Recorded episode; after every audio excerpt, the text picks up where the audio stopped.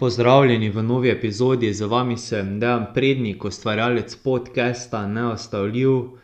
Pa naj te na začetku povabim, da se naročiš na ta podcast, tako da če še nisi med naročniki, se naj naročiš zdaj. Neustavljiv najdeš v aplikaciji, in sicer Applovi uporabniki ga najdete v aplikaciji Podcasts. Uporabniki Androidovih telefonov pa ga najdete v katerikoli aplikaciji za poslušanje podcastov in seveda na Soundcloudu. Kar zajeten kup nekih aplikacij, ampak nič zato, enostavno lahko obiščeš moje spletno mesto dejanprednik pika blogspot pika si, kjer najdeš vse o tem, kaj in kako se naročiti na podcast, ob tem pa se lahko vpišeš na listo za obveščanje in dobiš svežo epizodo v svoj elektronski nabiralnik. Tako da obišči dejanprednik in se vpiši na listo za obveščanje, da ne zamudiš novih vsebin. Meni pa seveda s tem daš motivacijo za naprej, tako da obišči povezavo v opisu tega podcasta, na kateri se lahko naročiš. Sedaj pa intro, potem pa skočimo v epizodo Zasadi svoj vrt na Neustavljiv. Nekdo, ki ga ne moreš ustaviti, ki je odločen v svoji volji. da preskočiš vsako oviro. Nekdo, ki je maksimalno osredotočen k realizaciji zastavljenih ciljev. Rineš se naprej, Nekdo, ki ne dopušča, da bi ga okoliščine odvrnile. Nekdo, ki ima idejo in željo. Tole je bilo nekaj izsekov, kaj pomeni neustavljiv za vas, sedaj pa te pozdravljam v novi epizodi, ki se dogaja še vedno nekje sredi korona časa.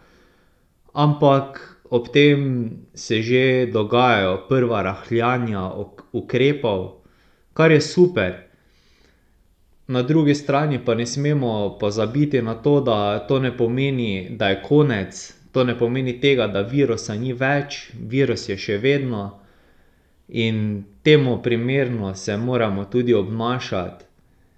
Ampak s tem, ko so pogoji takšni, da lahko omilimo ukrepe glede na, glede vseh teh omejitev gibanja, pa prihaja v ospredje tudi to, kako lahko k družbi pripomore vsak posameznik.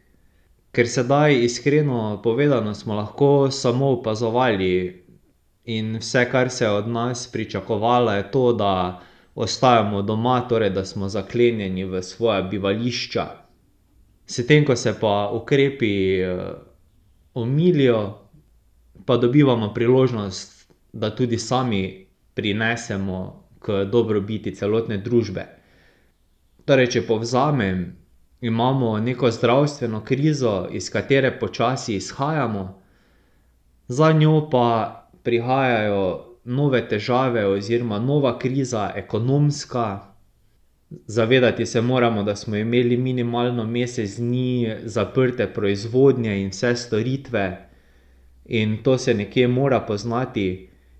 Problematika pa je še toliko bolj kompleksna, ker gre za to, da se dogaja na globalnem nivoju, po celem svetu enako in slej kot prej se bodo pokazale razsežnosti tega, da je bilo gospodarstvo onemogočeno.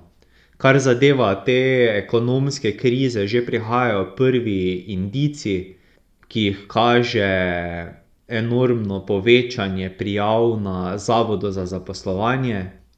In slej kot prej bodo jasne tudi razsežnosti tega dogajanja, nekateri pa napovedujejo celo to, da bo se še zgodila tretja kriza, in sicer civilizacijska, družbena. Ampak gremo po vrsti. Torej prva ekonomska. Od reševanja te krize pa bo odvisno vse, kaj se bo dogajalo naprej. Sam bi se rad izognil apokaliptičnim napovedim. Pa ne da bi pred njimi bežal, ampak želim jih zamenjati za renesanso, o tem sem pisal v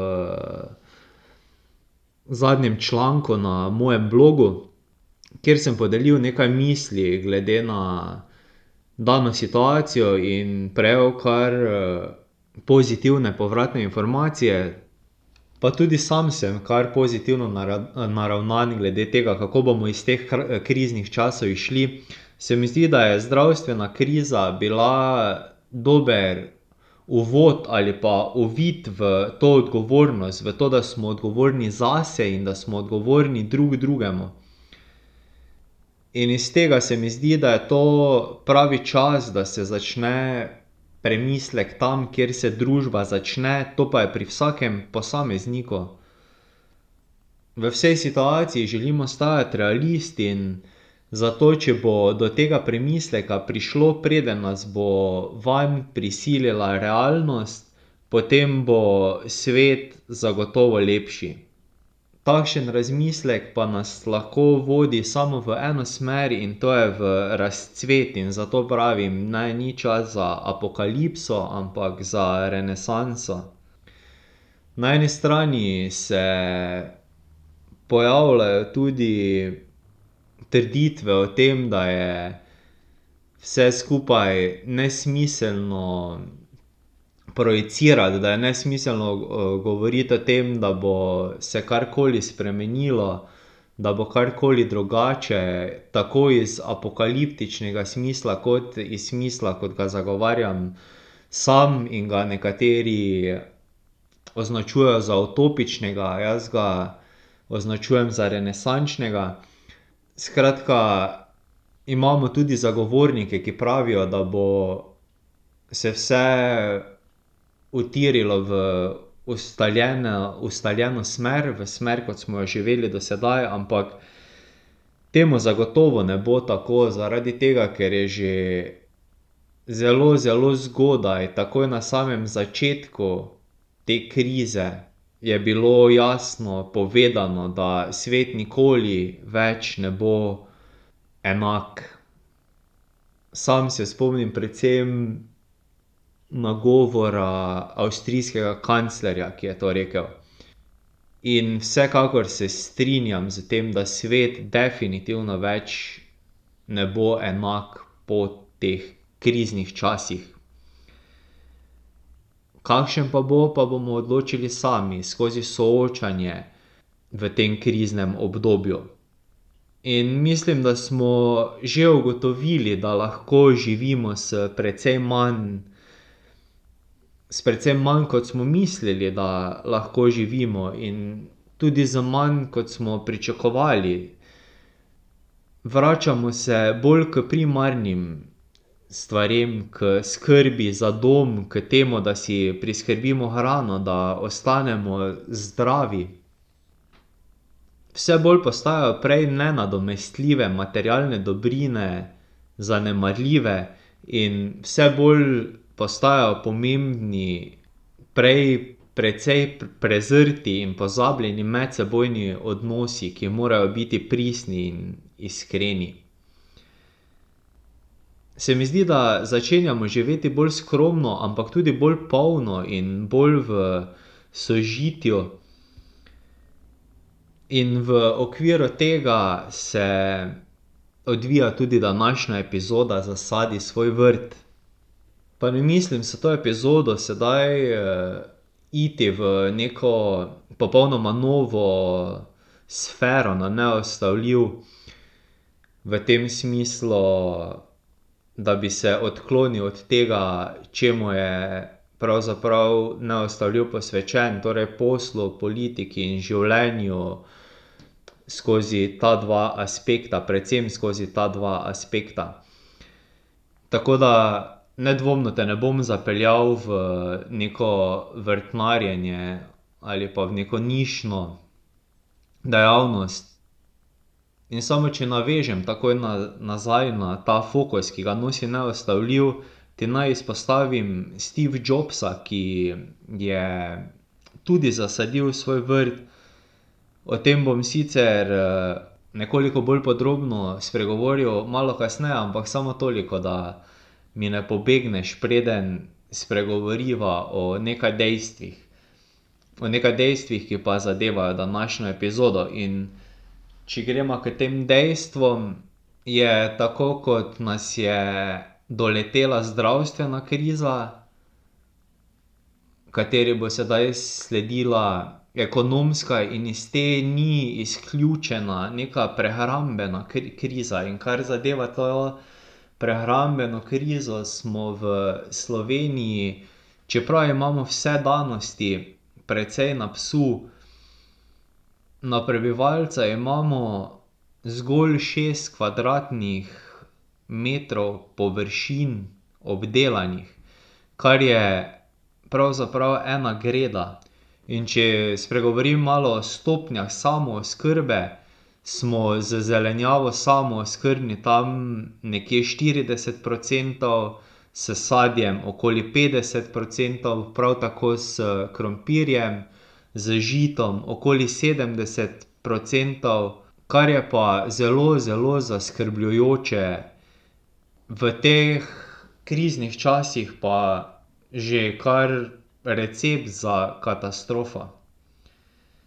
Nekoliko boljše sicer nam kaže pri mesu in pri jajcih. Tam sta stopnji samooskrbe osemdeset in pri jajcih skoraj sto procentov. Ampak kljub temu pa podatki pričajo o tem, da so nujne neke spremembe in da se mora nujno na tem področju nekaj zgoditi. Sedaj če pogledamo iz vidika časovnega obdobja, potem je ta kriza v bistvu prišla v zelo, zelo pravem času. Na začetku leta, tako da imamo še vedno priložnost, da se lahko iz tega vidika na njo primerno odzovemo.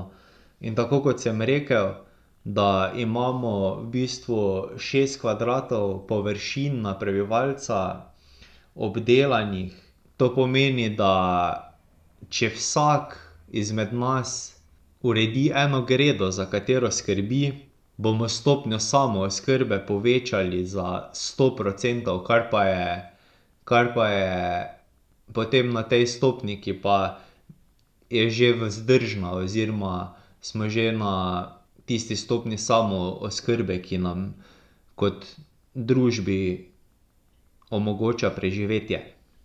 Mislim, da to lahko stori vsak izmed nas, in zato tudi apeliram na tebe, da zasadiš svoj vrt. Naj še ti pa tukaj podam en podatek, ključen podatek, ki pa je, da na takšni gredi lahko pridelaš med štiri in osem kilogrami hrane.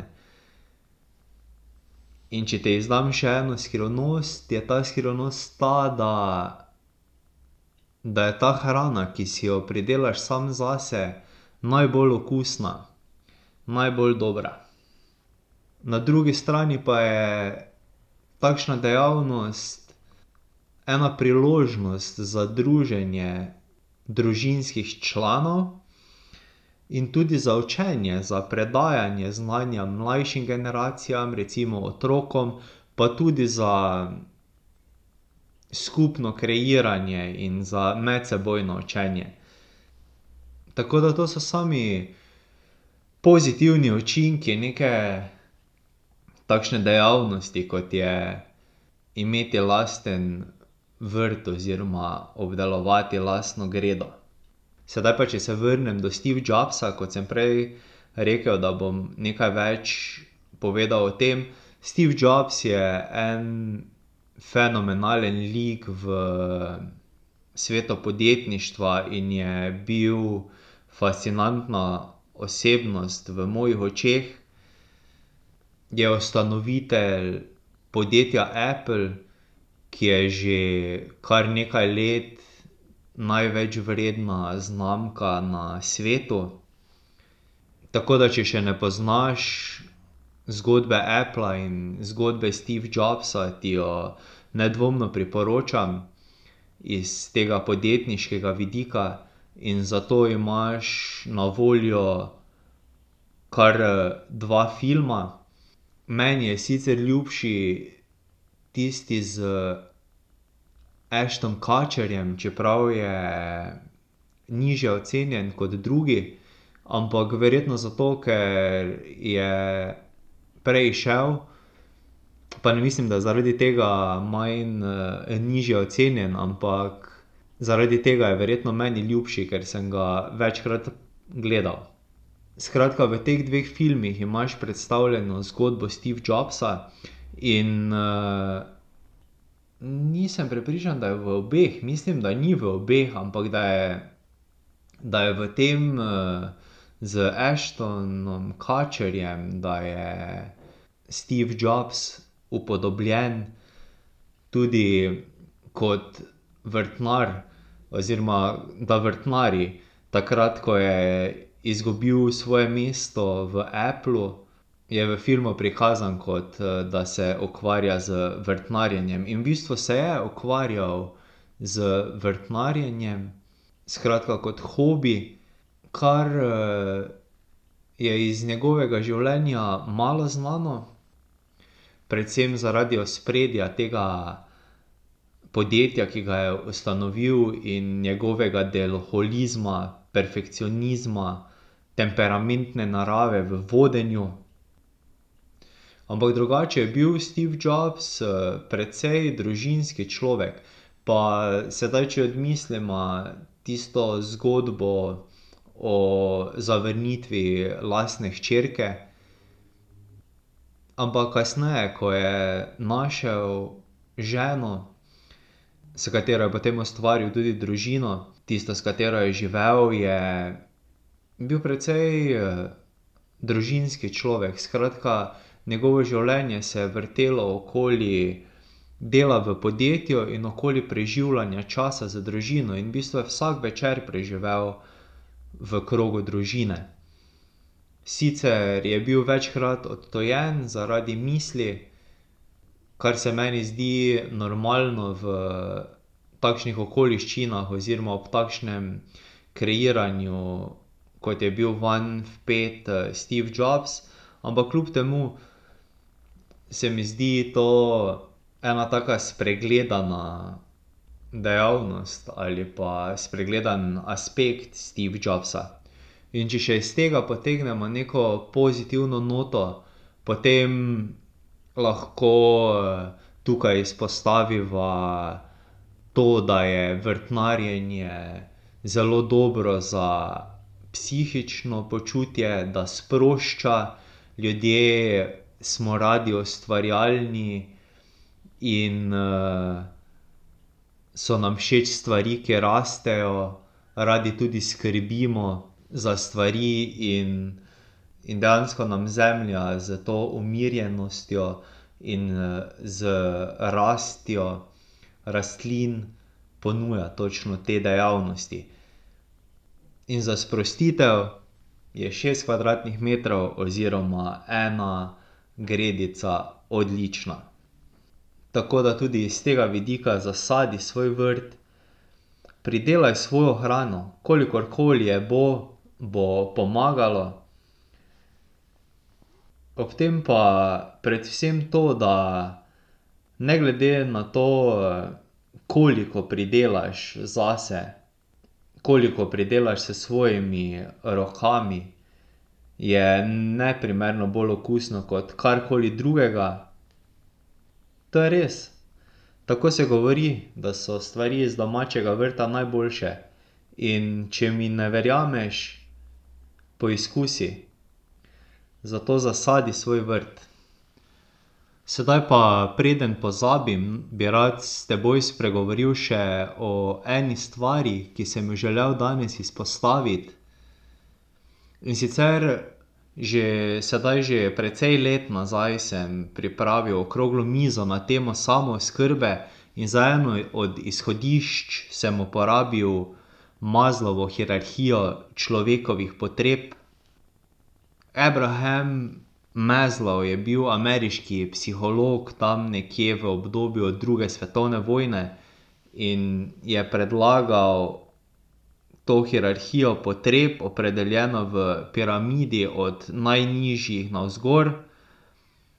Nekako tako kot temelji pri hiši, in tako kot hiše ne moremo graditi od strehe navzdol, tako načeloma tudi ne moremo zadovoljevati višjih potreb, dokler niso zadovoljene tiste na nižji ravni. Naše potrebe pa se začnejo s popolnoma fiziološkimi potrebami, med katere spadajo potreba po vodi, potreba po počitku, potreba po hrani, zraku. Skratka, te popolnoma, fizikalne potrebe. In ko so te zadovoljene, preidemo na višje, pri katerih se potem pojavljajo potreba po varnosti pa potreba po, udejstvovanju, po sprejetosti, po družini, po zdravju. In se potem nadaljujejo višje do, do te potrebe po dokazovanju, po spoštovanju in na koncu se zaključi pri samoaktualizaciji. In zakaj to izpostavljam? To izpostavljam zaradi tega, ker sva danes ugotovila, da kar se tiče samooskrbe, nam v Sloveniji ne kaže dobro, in to je tudi namen današnje epizode, da apeliram na tebe, zaradi tega, ker od tega, koliko bomo neke osnovne potrebe zadovoljili kot družba, in tukaj mislim družba kot celota, toliko lažje bomo kot posamezniki se udejstvovali in uresničevali skozi življenje.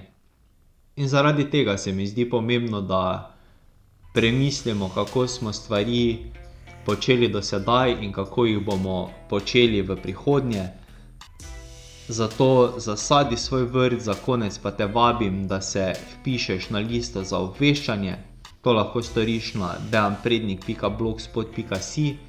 Povezavo do tja najdeš v opisu tega podcasta, kjer najdeš tudi povezave do uporabljenih člankov in do filmov o Steve Jobsu, drugače pa sem ti na voljo tudi na Facebooku, Twitterju in Instagramu pod afna Dejan Prednik in seveda hashtagom neustavljiv. Tako da se lahko poveževa tudi na družbenih omrežjih, za danes pa se ti zahvaljujem za poslušanje in ti želim nasvidenje.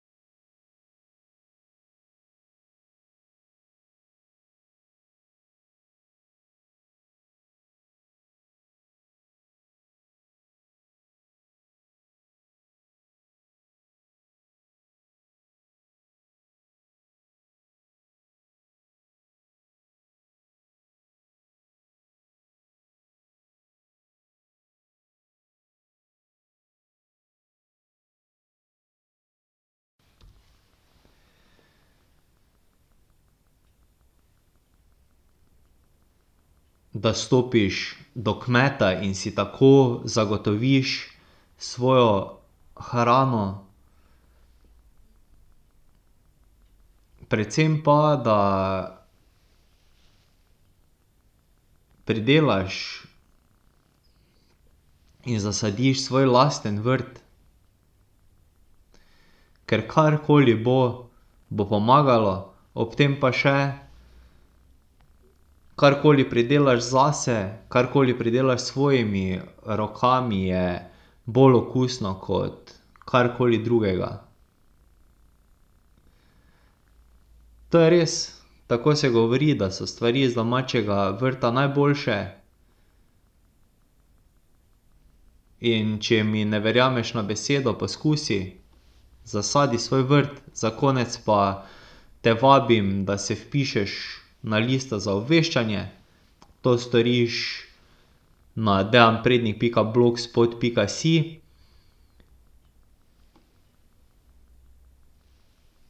Povezavo do tja pa najdeš v opisu te epizode, tako kot najdeš v opisu te epizode tudi ostale koristne povezave.